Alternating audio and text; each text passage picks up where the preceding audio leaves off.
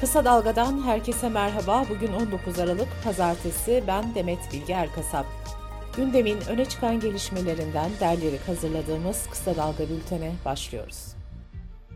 İstanbul Büyükşehir Belediye Başkanı Ekrem İmamoğlu'nun 2 yıl 7 ay 15 gün hapis cezasına çarptırılmasının yankıları sürüyor. Cumhurbaşkanı Recep Tayyip Erdoğan, İmamoğlu'na verilen ceza için ilk kez değerlendirmede bulundu ortada kesinleşmiş bir karar olmadığını söyleyen Erdoğan, birilerinin kendi iç kavgalarını, Bizans varih taht oyunlarını bizim üzerimizden yürütmeye çalıştıklarını gördükçe üzülüyoruz dedi. Cumhurbaşkanı Başdanışmanı Mehmet Uçum'un değerlendirmesi ise şöyle oldu. Yerel mahkemenin kararı yürürlükteki hukuka uygunluğu açısından bakıldığında muhtemelen onaylanır. Farklı bir karar çıksa da sadece hukuken tartışılabilir.'' Yüksek Seçim Kurulu Başkanı Muharrem Akkaya da İmamoğlu'na verilen cezaların ardından tartışılan Cumhurbaşkanlığı adaylığı konusunda açıklamalar yaptı. Habertürk yazarı Kübra Para konuşan Akkaya şunları söyledi. Adaylık süreci kesinleşmeden cezası kesinleşirse yerine başka bir aday gösterilebilir. Fakat kesinleştikten sonra listeye dokunmamız mümkün değil. Seçime girer ama kazansa bile mazbatası verilmez.'' Akkaya'nın bu açıklaması ihsası rey yani tarafını belli etme eleştirilerine neden oldu. Akkaya eleştirilere de şöyle yanıt verdi. Önümüzde somut bir olay veya dosya yok. Ben genel prensipleri hatırlattım. Somut bir kişi olay ya da dosya ile ilgili görüş belirtmedim. Cumhur İttifakı'nın ortağı Büyük Birlik Partisi'nin genel başkanı Mustafa Destici ise kararla birlikte gelebilecek olası siyasi yasağın orantısız olacağını belirtti. Türkiye seçime kilitlenirken altılı masa henüz adayını açıklamadı. Ancak CHP'den adayın gelecek ay belirlenebileceğine yönelik açıklamalar geldi. CHP'li Bülent Tezcan, altılı masanın ortak politikaları belirleyecek komisyonun çalışmalarını Aralık sonu veya Ocak başında tamamlayacağını söyledi. Tezcan, Cumhurbaşkanı adayının da aynı dönemde açıklanabileceğini belirtti. Benzer bir açıklama CHP'li Yunus Emre'den de geldi. Emre'de çalışmaların Ocak ayı gibi biteceğini ve bu dönemde adayın açıklanabileceğini vurguladı. Bir kişi hakkında dava açılmasının önlenmesini, yargılamanın durmasını, mağduriyetlerin giderilmesini sağlayan uzlaşmak da %100 zamlandı. 2023 yılında uygulanacak olan uzlaştırma tarifesine göre geçen yıl 200 liradan başlayıp 700 liraya kadar çıkan ücretler bu yıl 400 liradan başlayacak ve uzlaştırılacak kişi sayısına göre 2808 liraya kadar çıkacak. Piyasadaki ilaç krizine ilişkin yeni gelişmeler yaşandı. Piyasada az bulunan ilaçların ihracatına bir süreliğine ara verildi. Açıklama Sağlık Bakanı Fahrettin Koca'dan geldi. Koca, ilaç temininde yaşanan zorluğu birlikte giderene dek piyasada halen az bulunan ilaçların ihracatına bir süreliğine ara verdik dedi. Sağlık Bakanı temininde zorluk yaşanan ilaçların üretimini artırmak üzere ilaç üreticileriyle anlaşmaya vardıklarını da duyurdu. İlaç yokluğunun giderilmesi için ilk adım olarak ilaç temininde euro kuru 7 lira 86 kuruştan 10 lira 76 kuruşa çıkarılmıştı. Bursa, Uludağ'da hava sıcaklığının mevsim normallerinin üzerinde seyretmesi ve beklenen kar yağışının düşmemesi nedeniyle turizm sezonu açılamamıştı. Aynı durum Kartepe'de de yaşandı. Geçen yıl Aralık ortasında yağan karla kayak sezonu açılırken bu yıl sezonun biraz daha geç açılması bekleniyor. Erzurum Palandöken'de de kar yağmayınca sezon yapay karla açılmıştı. Kısa Dalga Bülten'de sırada ekonomi haberleri var. Asgari Ücret Tespit Komisyonu 3. toplantısını yarın yapacak. Çalışma ve Sosyal Güvenlik Bakanı Vedat Bilgin, asgari ücret sürecine ilişkin açıklamalarda bulundu. Bilgin, salı günü asgari ücreti müzakeresinde uzlaşmaya varacağız dedi. Türk İş Genel Sekreteri Pevrul Kavlak ise rakam içimize sinmezse masadan kalkacağız diye konuştu. TÜİK tarafından açıklanan verilerin gerçeği yansıtmadığını belirten Kavlak, ben artık TÜİK rakamlarıyla masaya oturmam, o rakamlarla pazarlık yapmam dedi. Emeklilikte yaşa takılanlar düzenlemesiyle ilgili iktidardan peş peşe açıklamalar geldi. Çalışma ve Sosyal Güvenlik Bakan Yardımcısı Ertuğrul Soysal, EYT düzenlemesiyle ilgili teknik çalışmaların devam ettiğini söyledi. Soysal, yaş şartıyla ilgili şu açıklamayı yaptı. Yaş şartı olmadığında emekli olabileceklerin sayısı 1.6 milyon civarında. Bu sayı daha da artacaktır. Bu nedenle emeklilerimizin hem kamu bütçesine hem de işverene getireceği ilave yükü doğru hesaplamak ve buna göre aksiyon almak durumundayız. Çalışma ve Sosyal Güvenlik Bakanı Vedat Bilgin de teknik çalışmaları şu sözleriyle anlattı.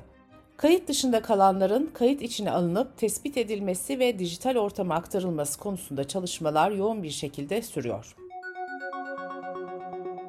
AKP'nin geçen hafta bir gece yarısı verdiği önerge ile Hazine ve Maliye Bakanlığı'na 200 milyar liralık ilave borçlanma yetkisi verilmişti.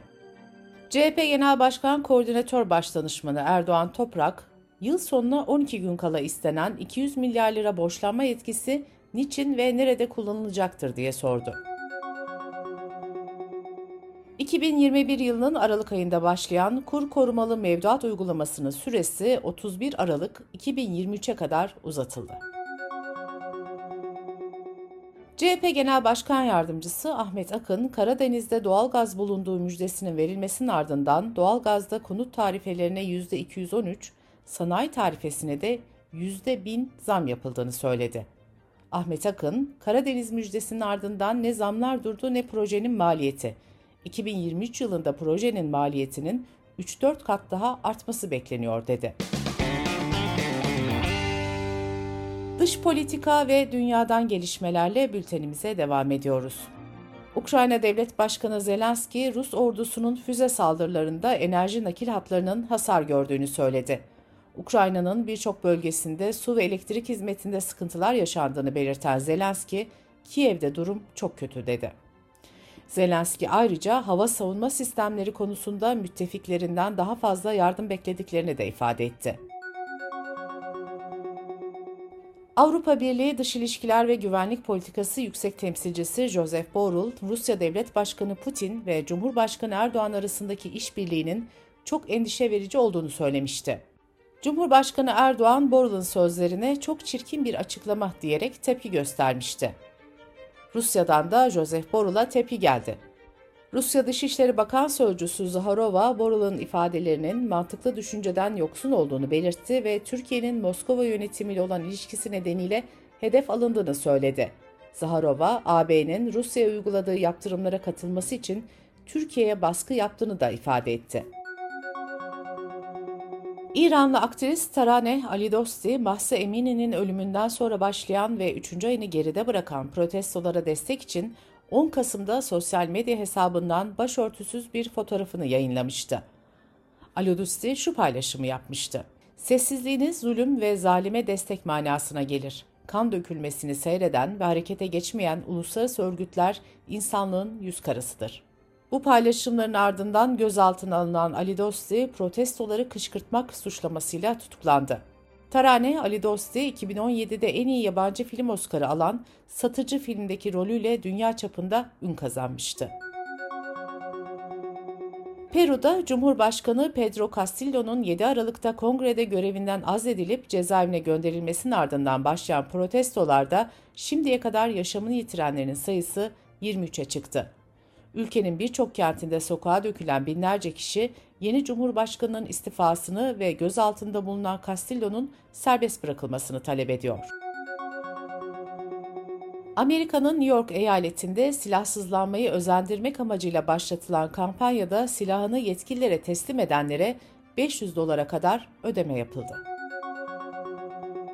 Avrupa Birliği emisyon ticareti sisteminde reform öngören düzenlemeyi kabul etti. Buna göre Avrupa Birliği içinde tüketiciler ve şirketler için karbon emisyonu maliyetleri artırılacak.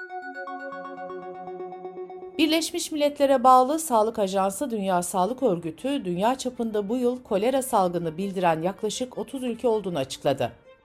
Doktor Filipe Barboza, kolera nedeniyle küresel ölüm oranlarının arttığını belirtti.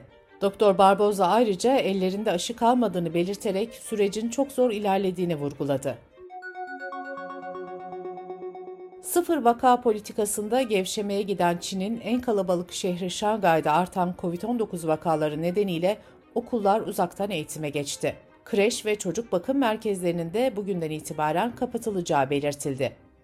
Ülke genelinde ek olarak geçici sağlık merkezleri ve yoğun bakım üniteleri kuruldu. Şangay'da ayrıca fazladan 230 bin hastane yatağı kullanıma sunuldu. Amerikalı oyuncu Angelina Jolie, Birleşmiş Milletler Mülteciler Yüksek Komiserliği İyi Niyet Elçiliği görevinden ayrılacağını açıkladı. Yapılan ortak yazılı açıklamada Angelina Jolie'nin insani yardım ve insan hakları sorunlarıyla daha geniş çerçevede meşgul olmak istediği bildirildi. Birleşmiş Milletler bünyesinde insani yardım faaliyetlerine 2001'de başlayan Angelina Jolie, 2012'de iyi niyet elçisi olarak atanmıştı. Bültenimizi kısa dalgadan bir öneriyle bitiriyoruz. Politik Est'in ikinci bölümünde gazeteciler Sedat Bozkurt ve Ayşe Yıldırım, Ekrem İmamoğlu'na ahmak davasında siyasi yasak verilmesinin siyasete etkilerini konuşuyor. İmamoğlu'nun aday olma ihtimali güçlendi mi yoksa bitti mi? Altılı Masa'da durum ne?